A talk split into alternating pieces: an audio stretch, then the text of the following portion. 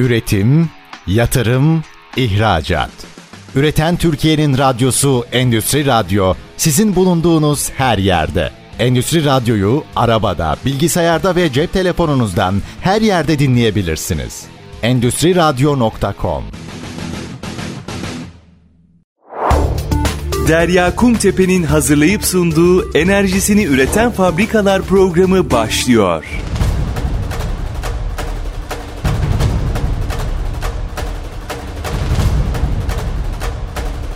Enerjisini Üreten Fabrikalar programından herkese merhabalar. Ben Derya Kumtepe. Bu haftaki programımızı tamamen enerji tasarrufu haftasına, enerji verimliliği haftasına ayırdık. Çünkü her yıl Ocak ayının ikinci haftası tüm dünyada enerji verimliliği haftası olarak kutlanıyor önemli bir konu. Bütün dünyanın aslında bu konuyla ilgili önemli çalışmalar yapması gerekiyor. Yapılıyor da Türkiye'de de yapılıyor. Hangi aşamadayız, hangi noktaya geldik, daha neler yapılabilir, e, nasıl bir yol haritası izleyeceğiz? Bu, bu soruların cevabını almak üzere çok değerli bir konuğu ağırlıyorum. Vat Enerji Genel Müdürü Altuğ Karataş bizlerle birlikte. Hoş geldiniz Altuğ Bey, nasılsınız? Merhaba Derya Hanım, iyiyim. Sağ olun. Siz nasılsınız?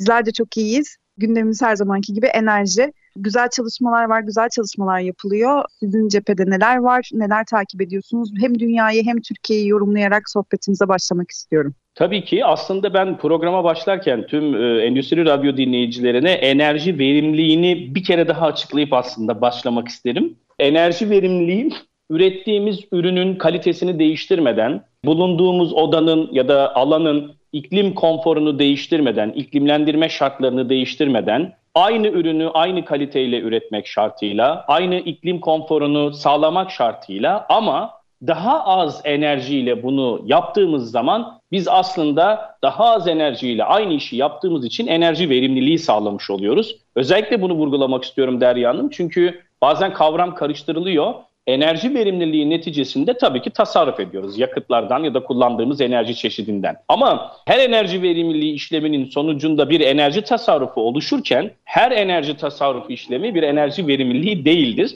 Yani iki ampulden birini söndürmek enerji verimliliği değildir. Aynı odada ışık şiddetini sağlık şartlarına uygun olarak daha az enerjiyle üretiyorsak işte biz buna enerji verimli diyoruz. Çok kısa olarak bunu söyledikten sonra bu kavram farkını verimliliğin artık e, dünyadaki en önemli yakıtlardan biri olduğunu hatta Türkiye için de söyleyeyim Türkiye'deki enerji verimliliğinin yerli ve milli bir enerji kaynağı olduğunu ben sürekli vurguluyorum. Nasıl Karadeniz'de doğal gaz bulduğumuzda seviniyorsak emin olun ki o bulduğumuz doğal gazdan daha fazla bir miktarı da biz enerjide enerjiyi verimsiz kullanarak aslında çöpe atıyoruz. Hem de geçen yıl yaklaşık 96 milyar dolarlık enerji ithalatı yapan bir ülke olarak düşünürsek hepimizin cebinden gidiyor. Bu sebeple de enerji verimliliği konusunun milli bir dava olduğunu, sadece bireysel olarak bizleri değil toplumun her kesimini ilgilendirdiğini özellikle vurgulamak istiyorum. Tabii tarihçesini de çok kısa söylersem Türkiye aslında enerji verimliliği ile ilgili ilk hamlesini resmi olarak 2 Mayıs 2007 e, yılında enerji verimliliği kanununu çıkartarak yapıyor.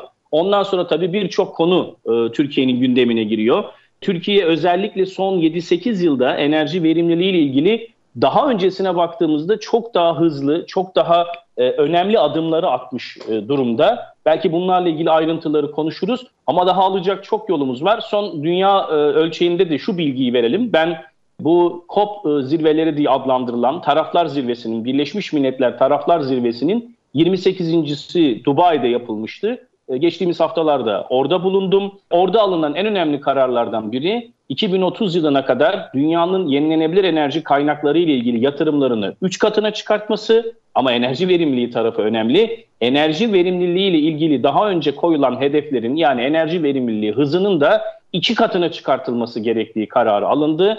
Bunun önemli olduğunu düşünüyorum. Türkiye 2017-2023 yıllar arasında enerji verimliliği strateji belgesini ve eylem planlarını açıklamıştı. Önümüzdeki haftada enerji verimliliği eylem planını yine 2030'a kadar ve strateji belgesini açıklayacak. Ee, daha da radikal önlemler alacağını, e, planlar yapacağını düşünüyorum. Bu çerçeveden baktığımız zaman Avrupa Birliği yeşil mutabakatına, sınırda karbon düzenleme mekanizmasına doğru giderken özellikle endüstriyel tesislerin, ticari binaların, enerjiyi yoğun kullananların hatta ve hatta bireyselde hepimizin enerji verimliliği ile ilgili çalışmalar yapmasının artık bir e, zorunluluk haline geldiğini, yaşam kalitemiz ve dünya açısından da zorunluluk haline geldiğini, hatta çocuklarımıza bırakacağımız miras açısından da zorunluluk haline geldiğini söyleyebilirim. Öncelikle girişteki o verimlilik ve tasarruf arasındaki farkı açıkladığınız için teşekkür ederim. Bu atlanan konulardan biri. Aslında o kadar çok konuşuyoruz, o kadar çok bahsediyoruz ki bir şekilde herkesin bu konuyla ilgili bir farkındalık oluşmasını sağlamak istiyoruz. Diğer taraftan da şimdi verimlilik dediğimiz zaman binaları ayrı, sanayiye ayrı da değerlendirmek gerekiyor değil mi? Çünkü her ikisinin de ayrı bir verimliliğe yönelik çalışmaları var. İsterseniz öncelikle bir binalardan başlayalım, sonrasında uzun uzun sanayide konuşuruz. Tabii binalar dediğimiz zaman bu arada Derya Hanım sadece Ayşe teyzenin, Ali Rıza amcanın oturduğu ya da bizlerin oturduğu konutlarımızda düşünmememiz lazım. Türkiye'nin toplam enerji harcamasının yaklaşık üçte biri bu zamanla değişebiliyor ama ortalama olarak %30 ila 35'i binalarda harcanıyor. Hangi binalarda harcanıyor? Evet oturduğumuz konutlarda harcanıyor. Kamu binalarında okullar, e, hastaneler gibi buralar üniversiteler gibi harcanıyor. Ama aynı zamanda özel sektörde de oteller, hastaneler, AVM'ler gibi iş merkezleri gibi çok çok yoğun insan hayatının direkt içinde olduğu binalara ele alıyoruz. Tabii binalarda birincil kısım ısıtma ve soğutma. Çok yoğun enerji tüketiyoruz ısıtma ve soğutmada. Fazla enerji harcadığımız zaman, enerji tüketimimizi e, fazla harcadığımız zaman gereksiz aslında bir tüketim. E, ciddi kayıplarımız oluyor. Sadece şöyle rakamsal örnekler vermeyi de seviyorum dinleyiciler için. Isıtacağımız yeri 1 santigrat derece daha az ısıtsak harcamış olduğumuz doğalgazdan %7 tasarruf elde edebiliyoruz. Ya da iklimlendirme sistemi klimalarla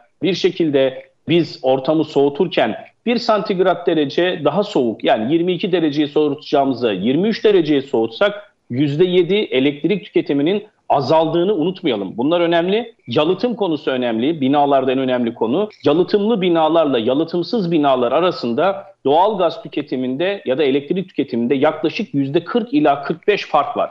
Yani daha da çarpıcı olması açısından söylüyorum. Binanız eğer yalıtımsızsa harcamış olduğunuz yakıt faturasının yarısı çöpe gidiyor. Çöp derken küresel ısınmaya gidiyor. Yaymış olduğunuz karbon salımının artmasına gidiyor. E, karbon ayak izinizin artmasına gidiyor. Onun için yalıtımı önemsiyoruz. Mutlaka ve mutlaka yapı stoklarımızın tamamının yalıtımlı binalar olması lazım. Tabii ki elektrik tüketimlerimiz var. Evlerde kullandığımız beyaz eşyalardan, elektronik eşyalardan tutun, ev eşyalarından tutun. Aynı zamanda asansörlerden, merdivenlerden, pompa sistemlerinden, iklimlendirmede kullanılan fan sistemlerine kadar e, o kadar çok konu var ki bunların hepsi aslında verimlilik potansiyeli olarak arttırılması gereken konular. Ben binaları onun için e, domestik taraf dediğimiz e, oturduğumuz evlerle birlikte e, aynı zamanda iş merkezleri gibi yoğun, çok daha yoğun hastane ve otel gibi kullanılan binalar olarak ikiye ayrılması gerektiğini düşünüyorum.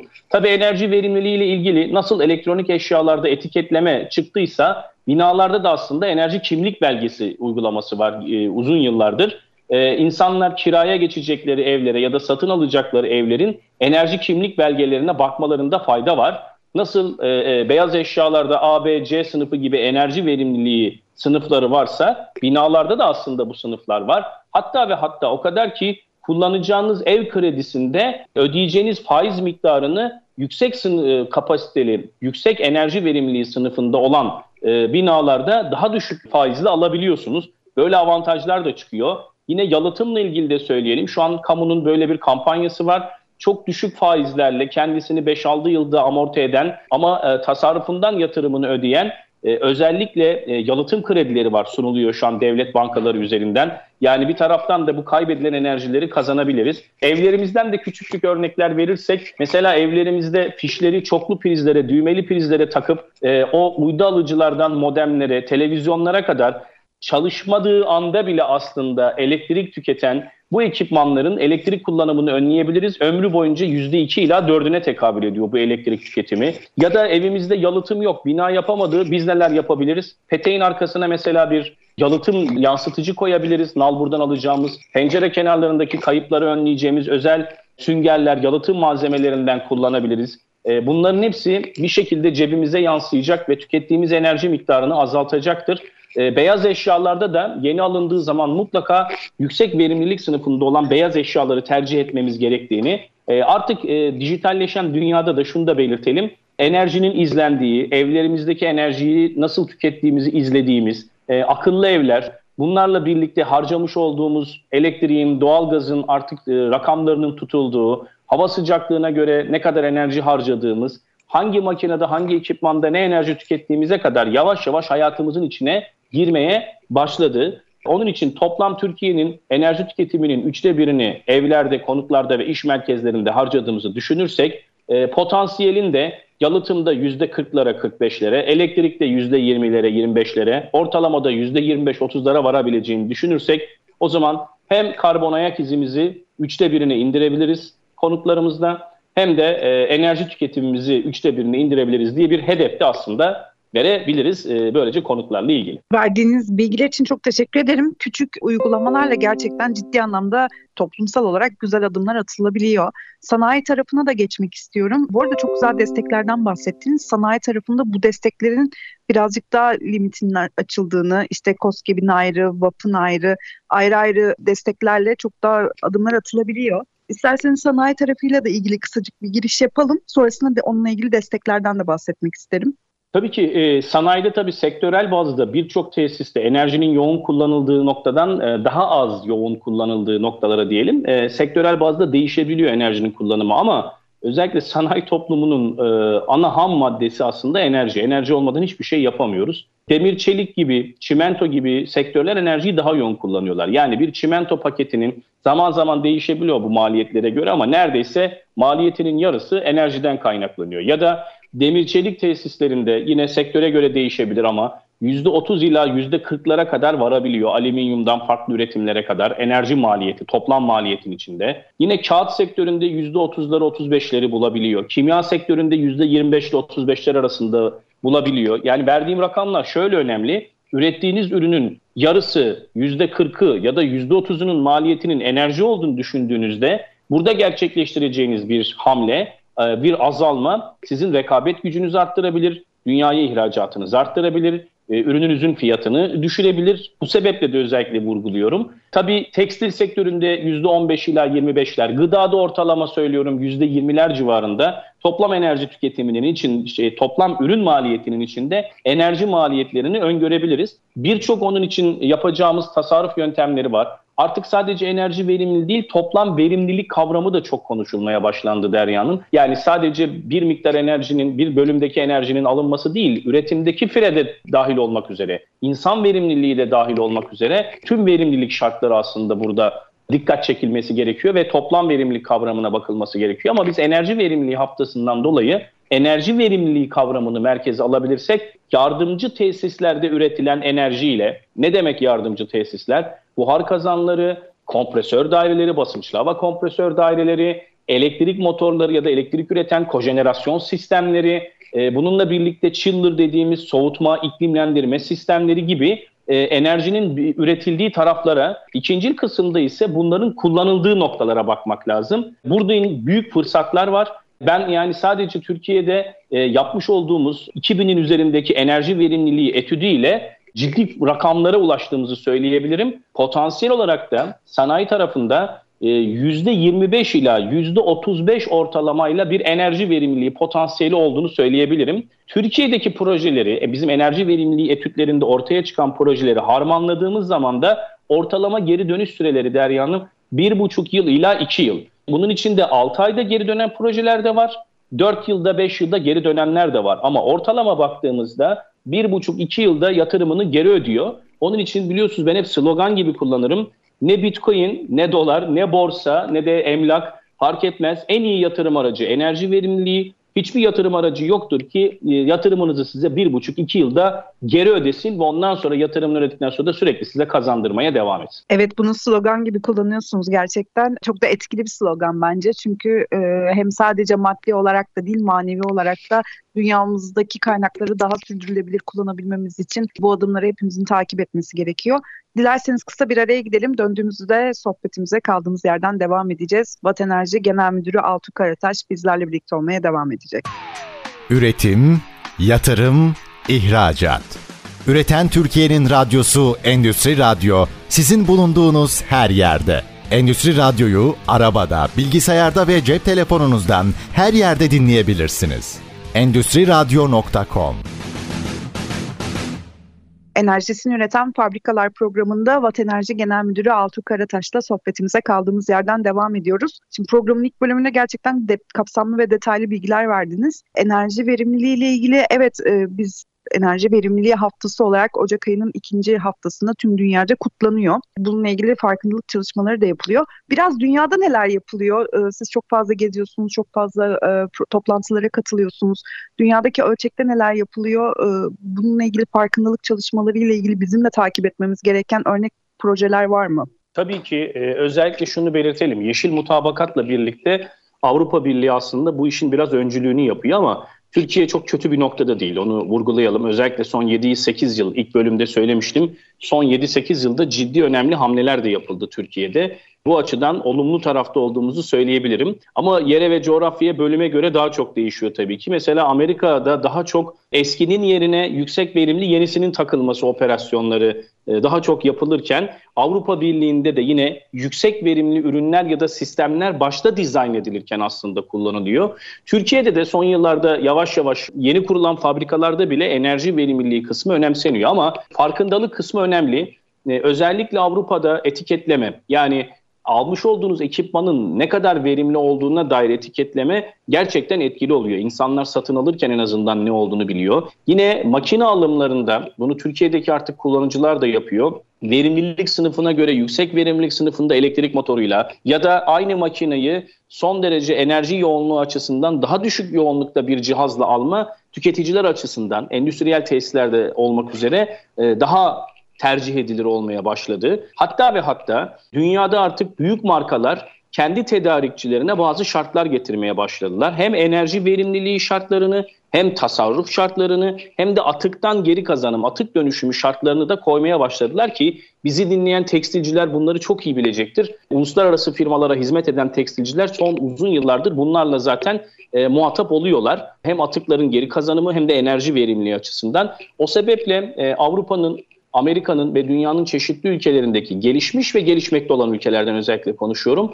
Bu çalışmalar, bu farkındalık çalışmaları devam ediyor. Ama ben özellikle tekrar vurgulayayım. Pozitif ayrıştırdığım Avrupa kıtası, biz de artık onun bir parçası olduğumuz için, yeşil mutabakatla da direkt ilgilendiğimiz için ürettiğimiz her ürünün, toplam üretimin İngiltere'de katarsak yaklaşık %46-47'sini Avrupa Birliği'ne ihraç ettiğimiz için e, aslında yeşil e, mutabakatında direkt muhatabı oluyoruz bizi en çok bağlayan o taraf oluyor. Çünkü en büyük ticari partnerimiz bizim Türkiye olarak. O sebeple de onların aldığı kararlar, farkındalık, karbon ayak izi hesaplamaları, son zamanlarda karbon doğrulama. E, ben artık buna bir yeşil ekonomik düzen ve sistem diyorum. İçinde enerji verimliliğinde olduğu e, yeni yeşil ekonomik düzen e, dünyayı burada yönlendiriyor.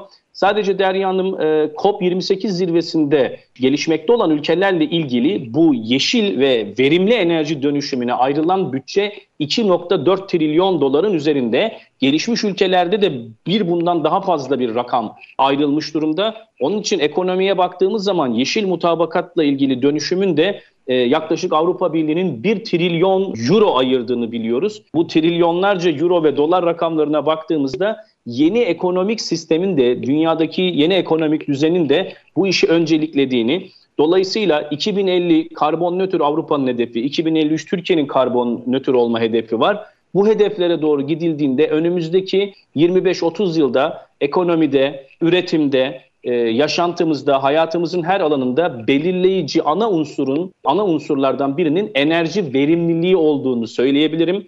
O sebeple de farkındalık çalışmalarının çok arttırılması lazım. Türkiye'nin de bu konuda yapacağı tabii daha birçok şey var. Bugüne kadar yaptıkları var ama yapacağı da birçok şey var. Ee, herkesin, e, ben hatta burada bir iddiam daha var. İlkokul ve ortaokulda artık bunu her bulunduğum platformda da görevli olduğum yerlerde de söylüyorum. Enerji verimliliği, çevre ve iklimle ilgili dersin zorunluluk haline gelmesi gerektiğini, bizden sonraki çocuklarımızın artık bu işi edinerek hem öğrenerek hem de edinerek e, buna göre çalışmalar yapılması gerektiğini düşünüyorum. Şimdi e, yeşil ekonomi, yeşil enerji deyince enerjisini üreten fabrikalar zirvesine biliyorsunuz ilk günü tamamen yeşil enerjiye ayırdık. Burada emisyon ticaret sisteminden, yeşil enerji dönüşümünden ve yeşil hidrojen teknolojilerinden bahsettik. İstiyorsanız burada bir emisyon ticaret sistemiyle de bir giriş yapalım. Devamında da yeşil enerji kapsamında özellikle yeşil hidrojenle ilgili de neler bekliyor bizi? O teknoloji gelişiminde neler olacak? Onlardan da kısaca bahsetmek isterim. Tabii ki e, şimdi yeni yeşil ekonomik düzen dedik. Yeni bir ekonomik sistemin geldiğini söyledik. E, adına yeşil denmesi hem yenilenebilir hem de enerji verimliliği açısından son derece önemli. E, ama bunun da bazı parametreleri var. Artık hayatımızın içine karbon ayak izi girmiş durumda. Bir uçak bileti alırken onun karbon ayak izi ile ilgili bilet alımı esnasında görüyorsunuz bazen bunu. Ya da araç alırken ne kadar daha az yakıt tükettiğini ya da elektrikli araçlar artık hayatımızın merkezine girdi. Ne kadar yenilenebilir ve yeşil enerjiden elde edildiği gibi birçok konu giriyor e, işin içine. Dolayısıyla bu yeni yeşil ekonomik düzenin içinde bazı parametreler oluşmaya başladı. Bunlardan bir tanesi işte dediğimiz gibi karbon ayak izinizin hesaplanması. Her birimizin dünyaya ne kadar karbon salımı gerçekleştirdiğimiz. Bunu bireysel olarak hesaplayabiliyorsunuz. Bunun yöntemleri var. Bunu artık bizler de dahil olmak üzere sunan firmalar var bu hizmeti. İkincisi yani sanayi için, endüstri için ya da ticari binalar için yapılıyor. Karbon doğrulama mevcut durumunuzun tüzel taraftaki kişilikler için söylüyorum. Bireyseli söyledim. Karbon emisyon salımı miktarınızın ne olduğunu, mevcut durumunuzu gösterme. E, bununla ilgili de artık işlemler yapılıyor. Büyük holdingler ve endüstriyel tesisler, büyük markalar artık sürdürülebilirlik raporları yayınlıyorlar. Ee, yine bizler de hazırlıyoruz bu raporları. Yani firmalar hem mevcut durumları hem de gelecekleriyle ilgili neler yapacaklarını da aslında bir anda beyan ediyorlar her yıl sürdürülebilirlik raporlarıyla. Bu işin içinde de e, yeni yeni başka ekonomik sistemler oluşuyor. Karbon, karbon salımı dünyayı kötü etkiliyor dedik. Bunun borsası olur mu? Olur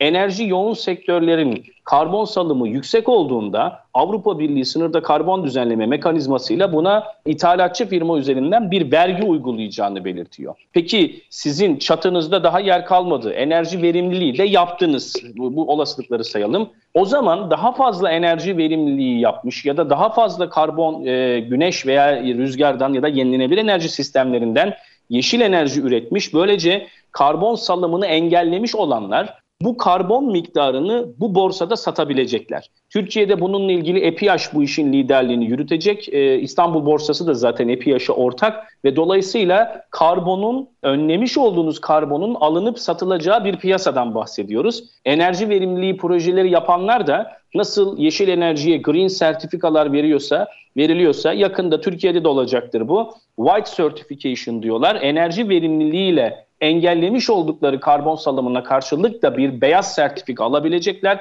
Hatta bunları belki ileride borsada kullanabilecekler. Böylece emisyonların bir ticareti başlamış oluyor. Engellemiş olduğunuz karbon miktarını alıp satmaya başlıyorsunuz. Bunun fiyatları belirleniyor. Şu an Avrupa'da zaman zaman değişse de 70 eurolar, 80 eurolar, 90 eurolar konuşuluyor. Hatta enerjinin bağlı olduğu dönemlerde 100 euroların üzerinde tonuna karbon emisyonlarının değerler biçildi. Böylece e, aslında bu yeni sistem önlemiş olduğunuz karbon salımına bir değer biçmiş oluyor. Bunun üzerinden aslında güzel bir motivasyon, tedarik zincirinde işin içine girdiğinizde yeni bir ekonomik düzen oluşturmuş oluyor. Türkiye'de bununla ilgili çalışmaları yapıyor. Hem belgelendirme tarafından bahsettim, hem raporlama tarafından bahsettim, hem de bu işin alınıp satılma tarafı yani borsadan bahsettim. İklim kanunu şu an meclise iki defa gitti. Bazı düzenlemeler oluyor tahminim. Bizlerin de itirazları olmuştu. İklim kanunuyla birlikte bu bahsettiğimiz birçok sistem, ticaret sistemi de dahil olmak üzere hayatımızın içine girecek. Tabii siz hidrojene değindiniz. Yeni teknolojiler de burada önemli alternatif enerji kaynakları. Burada da karbonsuz enerji kaynağı olarak e, dünyada en çok e, bulunan molekül hidrojen. Hidrojen devrenin içi, e, devreye girmeye başlıyor. Şu anki maliyetleri çok yüksek ama ben ileriki yıllarda buraya yapılacak teknolojik yatırımlarla artık kazanlarda, fırınlarda, yakma sistemlerinde hatta araçlarda ben elektrikli araçtan daha popüler olacağına dair bir düşüncem de var. Hidrojenin kullanılabileceğini çünkü hidrojeni yaktığınız zaman ortaya sadece su çıkıyor. Buna ciddi yatırımlar yapılacağını düşünüyorum. Hidrojen haricinde de karbon yakalama teknolojilerine de ciddi yatırımlar yapılacağını düşünüyorum. Saldığınız fazla karbonu yakalayıp bu sefer yerin altına tekrar gönderecek sistemlerden bahsediyoruz ama yeni yeni teknolojik gelişmeler de olacaktır. İnsanoğlu bir şekilde e, bu dünyaya verdiği zararı bertaraf etmek için teknolojik anlamda da hem yeni yakıtlar hem de yeni teknolojiler geliştirecektir. Elektrikli araçlar da bu konuda çok önemli bir başlık. Hem e, araçların yenilenmesi, geliştirilmesi noktasında hem de tabii ki de şarj istasyonları tarafında. Siz başladınız mı elektrikli araç kullanmaya? Bu konuyla ilgili var mı planlarınız hem şirket olarak hem bireysel olarak? Ben şöyle hedefliyorum. Özellikle elektrikli araçlar tabii daha yeni piyasaya girdi. Ee, birkaç yıldır da gelişiyor. Ee, daha önce e, almış olduğu paya göre baktığımız zaman ilk zamanlarda çok daha yüksek paylara ulaşmaya başladı. 2030 yılında ve sonrasında Uluslararası Enerji Ajansı Başkanı Fatih Birol'un da beraber katıldığımız bir toplantıda verdiği bir bilgi vardı. E, toplam araçların %50'den fazlasının elektrikli araçlar olacağını, benim burada kritik olarak e, ehemmiyet verdiğim nokta elektrikli araçlarda harcadığımız elektriğin de yeşil, yenilenebilir, temiz enerjiden aslında elde ediliyor olması. E, ben birazcık buna dikkat ediyorum. Mevcut bulunduğum binada şu an için daha henüz e, yenilenebilir enerjiden üretemiyorum. Planımın içinde var, olmalı da zaten ama şunu unutmayalım. E, ben oradaki kritik kısmın temiz enerjiden elde edilen e, ki kanunumuz buna da müsait ediyor, e, müsaitlik veriyor. Yani şarj istasyonu kurduğunuzda üzerine kuracağınız bir güneş sistemiyle bunu elde ettiğiniz zaman buna iki katına kadar izin var. Yani mevcut kapasitenizin iki katına kadar üretip şebekeye de basabiliyorsunuz. Dolayısıyla hızla ilerleyecektir. Türkiye'nin zaten kendi markası da var. Başka markalar da gelecek bu arada. Ee, ama Çin'in e, birazcık dünya piyasasını domine edeceğini düşünüyorum elektrikli araçlarda ki ediyor. Daha da artacaktır bu. Tahminlerin bu yeni sistemde yani yeşil, temiz, karbon salımının azaltıldığı, emisyonların düşürüldüğü yeni düzende, yeni sistemde öngörülen sürelerin çok daha öncesinde hem alternatif enerji kaynaklarının hem elektrikli araçların hatta belki de hidrojenle çalışan araçların da e, devreye gireceğini düşünüyorum. Alternatif e, elektrikli araçlar açısından söyleyebileceklerim bunlar. Tabii bununla birlikte başka alternatif enerji kaynakları da konuşuluyor Derya'nın. Mesela doğalgaz bir süre daha hayatımızda olacak. Öyle çok kolay çıkmayacak. Kömür e, daha hızlı çıkartılacaktır ama sentetik gazlar da konuşuluyor. Sentetik gazlar da yavaş yavaş hayatımızın, endüstriyel tarafta söylüyorum, e, hayatımızın içine giriyor. petrolün yerini ya da gazın yerini bunlar da alacaktır. Biyogaz veya biyokütle kısmı çok önemli. Bunlar gelecektir. Yenilenebilir enerji kaynaklarının verimleri çok hızlı artıyor. Güneş panelleri de dahil olmak üzere her yıl yenisi çıkıyor. E, rüzgar sistemlerinde de yine aynı şekilde verimlilik artıyor. Onun için e, hayatımıza girecek ve insanlığın yapmış olduğu çalışmalarla hem oradaki verimliliği de arttıracak ve böylece temiz enerji kaynaklarından elde edeceğimiz birçok kaynak devreye girecektir. Ama problemimiz şu an için yenilenebilir enerjide şu. Depolama kapasitesi e, bir termik santral gibi emre amadelik çok yüksek değil. E, ama bunun da e, çözüleceğini, yenilenebilir enerjine daha fazla hayatımıza gireceğini söyleyebilirim. Sizin çok alanınız değil ama bu elektrikli araçlardan bahsederken bir taraftan da haneleri düşünmeye başladım. Özellikle e, villaların, konutların kendi enerjisini üretmesiyle ilgili düşünceleriniz nedir? Hem e, yalıtım tabii ki ya da enerji verimliliği ilgili ilgili adımların doğru yapılmasından bir tarafa çatı üstü GES kurarak bir villanın kendi enerjisini üretmesi ya da otelin ya da hastanenin. Bu süreç sizce nasıl ilerleyecek, nasıl gidiyor? Daha da önü açılır mı o pazarın? Yerinde üret, yerinde tüket kavramı. Kamu da burada. Yani aslında 5-1H dediğimiz bir maddeyle uzakta ürettiğiniz yenilenebilir enerji santralindeki elektriği e, burada kullanabiliyorsunuz. Yeter ki bir tüketim noktanız olsun. Ama burada da ana şebekelerimiz artık doldu, dolmak üzere. Onun için yerinde üret, yerinde tüket kavramı çok önemli. Fabrikaların çatılarına ki yoğun olarak yapılıyor, binalara, tabii ki bireysel olarak kullanılan haneler de yine aynı şekilde burada ciddi bir potansiyel oluşturacaktır. Hatta e, kanun buna müsait sizin tüketiminizin iki katı kadar üretme şansını veriyor size. E, geriye kalan kısmını da belirlenmiş fiyatlardan satma hakkını veriyor. E, ama tabii elektrik piyasasında şu anda elektrik fiyatlarının biraz da ucuz olduğunu düşünürsek yavaş yavaş oturacak işlemler. Ama bu hak var.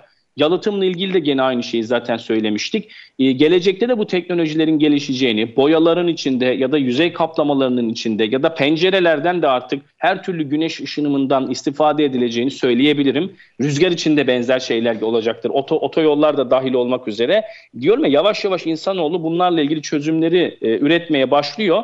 Ama ben tekrar şuna da vurgu yapacağım. Yani yenilenebilir enerji, alternatif enerji kaynakları bunların üretimiyle ilgili mutlaka teknolojik gelişmeler olsa da yeşil enerji olarak bunları kullansak da şunu hiçbir zaman unutmayalım. Burada yenilenebilir enerji ile enerji verimliliğini hibrit olarak düşünmemiz lazım. Yani bizi dinleyen sanayicilere öncelikle şunu belirtmemiz lazım. Çatınıza tabii ki güneş kurun. Ama siz eğer enerjinizi %30 oranında israf ediyorsanız çatınıza kurmuş olduğunuz 1000 kilowattlık bir güneş enerjisi sisteminin de yatırımının sırf ilk yatırımının size %30 fazla maliyete geldiğini unutmayın. Çünkü %30 azaltsanız 700 kW'lık bir sistemle bu işi halledebilecekken siz daha yüksek kapasiteli bir sistem alıyorsunuz. Yetmiyor ilk yatırımı yaptıktan sonra. Yine enerjiyi verimsiz kullandığınız için üretmiş olduğunuz yenilenebilir enerjiyi de israf ediyorsunuz. Yani 1000 kilowattlık kurdunuz, 700'ünü siz tüketiyorsunuz, 300'ü israf zaten. Onun için birincil planın mutlaka ve mutlaka enerji verimliliği olması gerektiğini söylüyorum. Fabrikalarınızda herkes mutlaka enerji e, verimliliği etütlerini yaptırmalı. Yani bir hastanın doktoruna konsültasyonla mevcut durumunun ne olduğunu ya da check-up'ının yapması gibi, hastalıklarının ne olduğunu görmesi gibi endüstriyel tesisler ve ticari binaların da mutlaka enerji etütlerini yaptırmaları, ortaya çıkan durumu, raporlanmış durum üzerinden de enerji verimliliği yol haritalarını çıkartmaları gerektiğini söylüyorum. Önce enerji verimliliği, ardından mutlaka ve mutlaka temiz enerji üretimi ve alternatif enerji kaynakları bu ikisi hibrit olarak düşünülürse doğru karar alınır. Zaten ben artık her fabrikanın kendi içinde bir enerji ve çevre bakanlığı olması gerektiğini söylüyorum. Ee, bir ülke olarak düşünün. A planı, B planı, C plan olarak bu planların yapılması gerektiğini söylüyorum. Onun için herkesin birinci önceliği enerji verimliliği olsun. Bununla birlikte temiz enerji üretimini planların için alsın ve kendi enerji politikasını, enerji strateji planını hatta enerji yönetim sistemini kurup zaten zorunluluk artık söylemi bir enerji yönetim sistemi ve bunun üzerine de izleme de gerçekleştirerek enerji izleme ve dijitalizasyonla birlikte enerji tüketimini tam anlamıyla kontrol alınıp e, her fabrikanın kendi karbon nötr hedefini, yılını da seçip buna göre çalışmalar yapması gerektiğini düşünüyorum. Dijitalizasyonla ilgili burada bir virgül bırakalım. Kısa bir araya gidelim. Döndüğümüz zaman Vat Enerji Genel Müdürü Altuğ Karataş'ta sohbetimize kaldığımız yerden devam edeceğiz. Üretim, yatırım, ihracat. Üreten Türkiye'nin radyosu Endüstri Radyo sizin bulunduğunuz her yerde. Endüstri Radyo'yu arabada, bilgisayarda ve cep telefonunuzdan her yerde dinleyebilirsiniz. Endüstri Radyo.com Enerjisini Üreten Fabrikalar programında Vat Enerji Genel Müdürü Altuğ Karataş'ta sohbetimize kaldığımız yerden devam ediyoruz. Enerjinin dijitalleşmesiyle ilgili konuşurken bir araya gittik. İsterseniz buradan devam edelim. Çok güzel çalışmalar yapıyorsunuz. Enerjinin adım adım izlenmesi çok önemli. Ee, daha neler yapacaksınız? Yazılım tarafını geliştirmek adına neler yaptınız yıl içerisinde? 2024 hedeflerinizi burada biraz alabiliriz. Tabii ki aslında biraz önce sizinle sohbetimiz esnasında etütlerden, enerji verimliliği etütlerinden bahsetmiştik. Bunun yapılması gerektiğinden, insanların mevcut enerji tüketim durumunu e, ne kadar verimliliklerin hangi aşamada olduğunu görmeleri gerektiğini söylemiştik ki biz yaklaşık bundan 3 yıl önce bu enerji verimliliği etütlerini dijital olarak yapabilir miyiz diye bir yola çıktık e, ve bunun üzerinde bir enerji izleme programı geliştirdik. Biz bu enerji izleme programıyla şu anda kurmuş olduğumuz enerji verimliliği projelerinin hangi verimlilikte ilerlediğini ya da bir kazanın verimliliğinin ne olduğunu, bir kompresörün verimliliğinin ne olduğunu saniye saniye aktararak aktararak zaten izleyebiliyoruz. Yani bizim çalıştığımız birçok tesiste firmalar e, 1 metreküp havayı kaç kilowatt elektriğe mal ettiklerini ya da bir ton buharı kaç TL'ye, kaç metreküp doğalgaza mal ettiklerini biliyorlar. Hatta ve hatta üretim tarafındaki adetlerini de ekledikleri zaman birim ürün başına ne kadar elektrik, ne kadar doğal gaz tükettiklerini ve bunun nasıl değişkenlik gösterdiğine kadar her türlü bilgi sahibi olabiliyor. Onun için enerjide izleme ve dijitalizasyonun çok önemli olduğunu düşünüyorum. Yapmış olduğunuz enerji verimliliği uygulamalarında bile daha sonraki yıllarda bu verimliliği koruyup korumadığını sorgulamanız gerekiyor. Onun için izlediğiniz zaman bu programlar, yazılımlar size bunu da haber verebiliyor. Verimliliğiniz düştü ya da şurada şu gerçekleşti diye size alarm ve uyarı da verebiliyorlar. Artık günümüzde her bir ürettiğiniz ürün ya da bir hastane olduğunu düşünelim. Her bir hizmet verdiğiniz kişi başına enerji yoğunluğu hesaplamaları kıyaslama açısında son derece doğru ve artık biz bu yazılımlarda karbon ayak izini de hesaplayıp söyleyebiliyoruz. Bu işin dijital kısmı. E, bunun evlere de geçeceğini düşünüyorum bu arada. Artık belirli bir süre sonra filmlerde gördüğümüz gibi insanların telefonlarından bir buzdolabının, bir televizyonun ne kadar tükettiğini bile, e, bir kombisinde ne yaktığını bile görebileceğini e, söyleyebilirim. Onun için fabrikaların mutlaka ve mutlaka enerji verimliliği çalışmalarını, enerji yönetim kalite sistemiyle taçlandırmalarını ama en sonunda da enerjilerini mutlaka izlemeleri gerektiğini düşünüyorum. Onun için bir slogan da söyleyeceğim burada Derya Hanım. Birincisi fark et, ikincisi hisset, üçüncüsü tasarruf et, dördüncüsü de izle ve yönet. Bu sıralamayla gidersek ettiğiniz tasarrufun da sürekli ve sürdürülebilirliğini ancak ancak izleme ve yönetme sistemleriyle görebilirsiniz. Bu dijital tarafta onun için cep telefonundan bilgisayarınıza kadar izleme yapabileceğinizi de özellikle vurgulamış olalım. Tabii burada e, ben e, bu dedik ki enerji verimliliği projelerinde biz bunları izleyebiliyoruz derken hangi projelerde izleyebiliyoruz? Belki bir iki tane de örnek vermek burada uygun olacaktır. Mesela basınçlı hava kompresörleri. Biz verimlilik arttırıcı proje destekleriyle de gerçekleştiriyoruz bunları. Çünkü Enerji Bakanlığı destek veriyor bunlara. Ya da birazdan belki konuşuruz. Beşinci bölge yatırım desteği bile alabiliyorsunuz. Büyük şehirlerde bile olsanız enerji verimliliğine. Bir basınçlı hava kompresörünü izliyoruz. Basınçlı hava kompresöründe 1 metreküp havayı 10 kW'a 11 kW'a 7 barda mal ettiğini gördüğümüz zaman daha yüksek verimdeki bir basınçlı hava kompresörünü oraya proje olarak sunabiliyoruz. Bunu değiştirdiğimizde 5,5 kW ile 6,5 kW arasına 1 metreküp havanın maliyetinin düştüğünü görüyoruz. Bakın 9-10 kW'lardan yaklaşık 6 kW'lara %35 ila %45 arasında tasarruf. Peki yaptığınız yatırım ne kadar sürede kendisini geri ödüyor bu enerji verimliliği projesiyle? Yaklaşık olarak 1 ila 2 yıl arasında. Onun için enerji verimliliği en iyi yatırım aracı. Ya da fırınlarınızda buhar kazanlarınızın atık ısılarından geri kazanım projeleri. Buradaki projelerde ekonomizerler, reküperatörler, sıcak su üreticileri e, ya da brülörlerin yakma havasının ısıtılması için tekrar atık sıcak gazın kullanılıp temiz havanın ısıtılarak verilmesi projeleri de yaklaşık 1 ila 2,5 yıl arasında yatırımını geri ödüyor. Ve bunlara teşvik de alabiliyorsunuz, destek de alabiliyorsunuz. Ya da aydınlatma projelerinden yalıtım projelerine ya da yakma sistemlerinde oksijen trim sistemiyle yanma neticesinde ne kadar oksijen çıktığı, karbon monoksit, karbondioksit e, çıktığını saldığınızı anlık olarak ölçüp yakma e, esnasında hava miktarıyla gaz tüketimini anlık olarak ayarlama yapıp ciddi tasarruftan sağlayan yakma sistemleri var. Yine bunlarla birlikte soğutma sistemleri, özellikle çillerler ya da klima santralleri ya da iklimlendirme sistemlerinde COP dediğimiz harcadığınız elektriğe karşılık e, üretmiş olduğunuz soğutma sisteminde fabrikalarda yapmış olduğumuz etütlerde Derya'nın 1,5 ila 2,5 COP'leri görebiliyoruz. Ama bunu 4,5-5 COP'den e, dönemsel ve yüklü çalışmalara göre 7-8 hatta 10'a kadar çıkartma imkanı oluyor. Dolayısıyla COP'si 2 olan bir ürünü COP'si 6 olana çevirdiğimiz zaman belki abartılı gelebilir ama bu gerçek ölçülmüş veriler var elimizde. Bir çillerin aynı çillerin yüksek verimli bir çillerle değiştirildiğinde bir anda elektrik tüketiminin 600 kW'lardan 200 kW'lara indiği projeler var. Ve bu projeler bir buçuk yılda kendisini geri ödüyor. Yine benzer e, kazan değişimlerinde, buhar kazanları ve sıcak su kazanlarında da çok rastlamaya başladık son zamanlarda. Türkiye'de ortalama verimler %75'ler civarında. Bunu %92'lere, 93'lere, 94'lere çıkartma imkanı var. Bir yılda, iki yılda kendi yatırımını geri ödeyen e, basınçlı kaplar ve kazan değişimleri de oluyor. Tabii motorlar var, pompalar var, yüksek çalıştırılan motorlar, yüksek çalıştırılan motorlar bunların hız sürücüyle kontrolüyle bir anda 5 kat, 6 kat, 7 kat, 8 kat elektrik tüketiminde azalma gerçekleşebiliyor bu kontrollerle.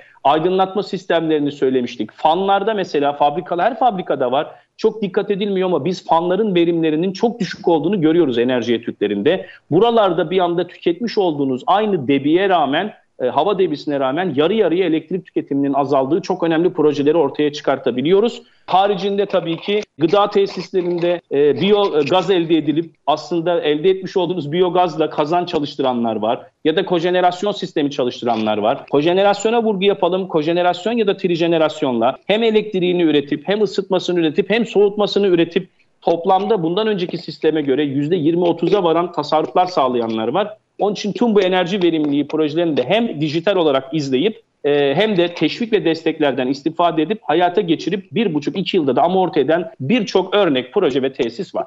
Uygulama örneklerini gerçekten konuşmamız ve masaya yatırmamız çok önemli. Çünkü buna isteyen, e, hedefleyen e, fabrika yöneticiler için de güzel bir yol haritası olmuş oluyor ve e, uygulama örneklerinin rakamsal olarak sonuçlarıyla yapılmaya cesaret de ediliyor. Biz gerçi artık bu programları sizlerle birlikte çeke çeke bir 3-4 seneyi geride bıraktık. Bayağı da şey değişti 4 sene içerisinde. Şu anda fabrikalarla yaptığınız görüşmeler, sahada yaptığınız görüşmeler nasıl geçiyor? Sizden neler bekliyorlar? Bu tarafı açtılar. Çok fazla iş yapıldı. Daha yapılmak istenen neler var? Sizin yaptığı görüşmelerde hedefleri neler? Bize biraz sağdan sohbetlerinizi anlatırsanız. Tabii ki e, enerji verimliliğinde bitmiyor. Tabii daha yapılacak çok şey var diyorum ya biz e, enerji etütleri neticesinde ya da enerji izleme sistemleriyle artık ölçmeye başladığımızda sürekli olarak yük yönetiminde bile çok ilginç projelerle karşılaşabiliyoruz. Yani yeni bir sistem kurmadan da bazen enerji verimli ya da tasarrufu imkanları ortaya çıkabiliyor. Ama son zamanlarda artık özellikle büyük tesislerimizden ve orta ölçekli tesislerimizden başlayarak kendi sürdürülebilirlik politikalarını ortaya çıkartıyorlar. Hem enerji verimliliği hem yenilenebilir enerji bunlarda neler yapılabilir artı üretim de dahil olmak üzere toplam verimlilikte neler yapılabilir artı bununla birlikte sürdürülebilirlik hedefleri koyuyorlar. Kendi enerji yönetim sistemleri içinde hedefler koyuyorlar ve her yıl bu hedefe uymak için aslında çaba da sarf ediyor endüstriyel tesisler. Şimdi birazcık belki COBİ'lerin de artık bu dönüşümün içine girmesi lazım ki onu da söyleyelim. Çünkü endüstri radyoyu dinleyen çok fazla COBİ var. Belki COBİ'ler şunu diyebilir ama biz etüt yapacak bir e, bütçe ayırmadık enerji verimliliği etüdü. Biz ne yapacağız? COSGAP'i arayacaksınız. COSGAP size enerji verimliliği etüt bedelinizin 40 bin liraya kadar hibe olarak veriyor. Mesela %75'ini. Çok önemli bir rakam. E, sizin aslında doktora gidiyorsunuz, check-up'ınızı yapıyorsunuz, muayenenizi yapıyorsunuz. %75'ini devlet ödüyor. Evet. Aynen böyle düşünebilirsiniz. Özellikle COBİ'lerin bu verilen enerji verimliliği etütlerine verilen hizmet desteği haricinde de projelere de destek alabildiklerini söyleyelim. Yani basınçlı hava kompresörü örnekleri verdik, soğutma sistemi örnekleri verdik. COBİ'ler enerji verimliliği etütlerinin 40 bin TL'ye kadar hibe olarak aldıktan sonra ortaya çıkan projelerini hayata geçirirken de destek alabiliyorlar yine COSGAP üzerinden. COBİ'ler için özellikle bunu vurgulayacağım ki başka destekler de var. Belki sizinle konuşuruz şimdi onları ama COBİ'lere özel bir sayfa açtım. Büyük ve orta ölçekli firmalar haricinde COBİ'lerin de kendi enerji verimliliği, yeni e, yeşil ve sürdürülebilirlik politikalarını oluşturmaları gerektiğini söylemek istiyorum. İstihdam yapamasalar bile bu konuda danışmanlık danışmanlık alabileceklerini ve bunun neticesinde de hayata geçirecekleri birçok projeye kavuşabileceklerini söyleyebilirim. Biz Bat Enerji olarak peki bir yılı geride bıraktık. 2024 yılına giriş yaptık. Ekip olarak, bireysel olarak Bat Enerji ve Observer olarak nasıl bir yıl hedefliyorsunuz? Nasıl bir iş gündemi planı belirlediniz kendinize? Tabii biz Türkiye'de geçtiğimiz yıl 150'nin üzerinde enerji verimliliği etüdü gerçekleştirdik. Çok fazla proje de hayata geçirdik. Şu anda belki bizi dinleyen birçok müşterimiz de olmak üzere sanayide ilk 500'ün içinde çalıştığımız birçok firma var. İkinci 500'ün içinde de çok ciddi sanayi kuruluşlarımız var ama geçtiğimiz yıl kendimize uluslararası hedefler koymuştuk. Onun bazılarını başarmış olmanın verdiği bir gurur yaşadık 2023'te. Özbekistan'da Özbekistan Enerji Bakanlığı'na Dünya Bankası projesinde danışmanlık yaparak orada kamu binalarında enerji verimliliği projesinin Türkiye'dekinin bir benzerini uygulamak üzere geçtiğimiz iki ay önce çalışmalara başladık. Bununla birlikte yine belki burada ilk defa açıklıyorum. Daha henüz resmi açıklamasını yapmamıştık ama başladık çalışmalara.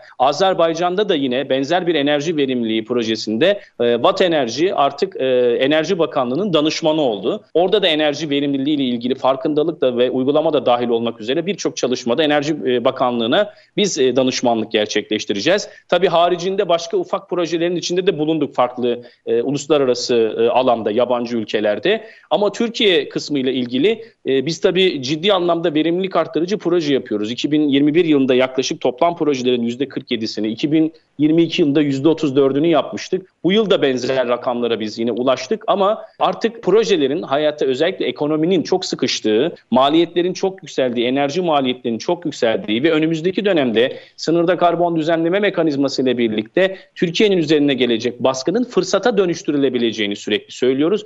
Buna yönelik hamleler yapıyoruz. Observer enerji izleme ve yönetme programımız zaten hayatta birçok müşterimizde, birçok COBİ'de dahil olmak üzere büyük ölçekli firmanın enerjisini artık direkt olarak, online olarak izliyoruz ve buna yönelik enerji verimliliği projelerini öneriyoruz. Ama Türkiye'de şu anda başka destek ve teşvikler de hayata geçirilmeye başlandı. Biz e, karbon doğrulama, karbon emisyonu, karbon ayak izi hesaplamaları ve sürdürülebilirlik raporları hizmetini de sunmaya başladık müşterilerimize. Çünkü yatayda giderek genişleyen bir e, istek var e, endüstriyel tesisler ve ticari binalarda. Fakat bunları yaparken özellikle 2024 yılında Türkiye Cumhuriyeti Devleti'nin de bir takım destek ve teşvik mekanizmalarına da devreye girdiğini gördük ve projeler tarafına da odaklanıyoruz. Bunlar da Sanayi Bakanlığı'nın aslında yeşil ekonomiyle ilgili destekleri var. Özellikle COSGAP'in yaklaşık 250 milyon dolarlık, toplamda Sanayi Bakanlığı'nın 450 milyon dolarlık bir teşvik ve desteğinden bahsediyoruz. TÜBİTAK tarafında 175 milyon dolarlık bir destek, Yeşil e, Dönüşüm Destek Programı, Sanayi Bakanlığı'nda bir 25 milyon dolarlık bir destek var ama en önemlisi COSGAP tarafında 250 milyon dolarlık bir yeşil dönüşüm destek e, programı var. Size biraz önce örneklerini verdiğimiz pro şeyle örnekler de dahil, projeler de dahil olmak üzere dijital sistemler de dahil olmak üzere. Yani enerji izleme sistemleri de bu projelerin içine giriyor. Önümüzdeki yıl özellikle enerji maliyetlerinin artması, sınırda karbon düzenleme mekanizmasına doğru giderken enerji yoğunluğunun düşürülmesi gerektiği dönemde e, enerji etütlerinden yatayda en son e, uçtan uca hizmet olan sürdürülebilirlik raporları, karbon doğrulama ve ayak izi hesaplamalarına kadar o sürecin içinde tüm müşterilerimizin hem enerji verimliliği ile enerji yoğunluğunu azaltmak onları enerji yönetim sisteminin, e, kalite sisteminin içinde işler vaziyette bir sistem kurmak, bununla birlikte enerji verimliliği projelerini hayata geçirmek, bu enerji verimliliği projelerinin izlemesini anlık olarak yapmak, ne kadar tasarruf sağladıklarını, ne kadar karbon salımını engellediklerini ve daha ne kadar enerji verimliliği potansiyelleri olduğunu da anlık olarak onlara göstermek. Ama bunların hepsini yaparken e, Derya Hanım bu yeni desteklerden de istifade etmelerini sağlayacak altyapımızı da tüm ekip arkadaşlarımızla birlikte oluşturduk. Dolayısıyla e, bu desteklerden firmalar istifade edebilir ki örnek olarak söyleyelim. Bu yeşil dönüşüm desteklerinde COSGAP şu anda 4 milyon TL'ye kadar proje başına ilk bir yıl ödemesiz ve tamamen faizsiz bu krediyi verdikten sonra kalan 2 yılda ise 4'er aylık dönemlerde TL bazında taksidini ödeyip ama faiz işlemeden bile ciddi anlamda bir mali açıdan tasarrufa geçebiliyorsunuz. Ama bununla birlikte projeni size kazandırmaya başlıyor parayı geri ödemeden. TÜBİTAK'ta da benzerleri var. Hatta TÜBİTAK'ta yapılan bu ARGE, Yeşil Dönüşüm ARGE projelerinde %50'si ve üzerindeki kısmı proje başarıya ulaştıktan sonra deprem bölgelerinde %90'a kadar varabiliyor. Bir de kullandığınız bu finansmanın e, hibe olma durumu ortaya çıkıyor. Onun için e, bu uçtan uça tüm hizmetlerde hem destekler hem teşvikler hem firmalara sunacağımız hizmetler, bunların enerji izlemesi, dijitalizasyonu, artık cep telefonundan bile karbon ayak izinizin takip edildiği, ürettiğiniz her bir ürünün enerji yoğunluğunun ve enerji verimliliğinin takip edildiği e, aslında yepyeni bir dönem diyebiliriz 2024'de. Ama sadece 2024 değil, COP28 zirvesinde de hedef koyulan ve Türkiye'nin de enerji verimliliği strateji e, planı ve eylem planında açıklanacak olan 2030 hedeflerinde ben her yıl enerji verimliliğinin gittikçe daha fazla önem kazanacağını, uluslararası projelerin de artacağını, Türkiye'de de bu projelerin artacağını ve bizlerin de bu konuda hizmet vereceğini söyleyebilirim. Programa katıldığınız için çok teşekkür ediyorum. Süremizin sonuna geldik. Var mı eklemek istedikleriniz yoksa vedaya gidelim? Valla çok teşekkür ediyorum öncelikle ve Endüstri Radyo'yu da e, hem de daha önce gerçekleşmiş olan geçtiğimiz günlerde enerjisini üreten fabrikalar zirvesinde dahil olmak üzere bu yeşil dönüşüm sürecine, yeşil ekonomik sürece, sürdürülebilirlik politikasına vermiş olduğu destekten dolayı ben bir kez daha tebrik ediyorum. Aynı zamanda bir program e, yapımcısı da olarak burada bunu gönülden söylüyorum. E, Endüstri Radyo'nun burada desteği çok önemli. Firmalara da son kez söyleyeceğim şu, enerji verimliliği ve temiz enerji üretimini bir hibrit proje olarak görmeye başlamaları lazım. Destek ve teşvik mekanizmalarının olduğunu unutmayın ve mutlaka ve mutlaka 2030 yılına gidene kadar her yıl kendinize enerji verimliliği hedefleri koyarak bunları da hayata geçirin. Çok teşekkürler. Vat Enerji Genel Müdürü Altuğ Karataş bizlerle birlikteydi. Bir sonraki programda görüşmek üzere. Hoşçakalın. Sikkim.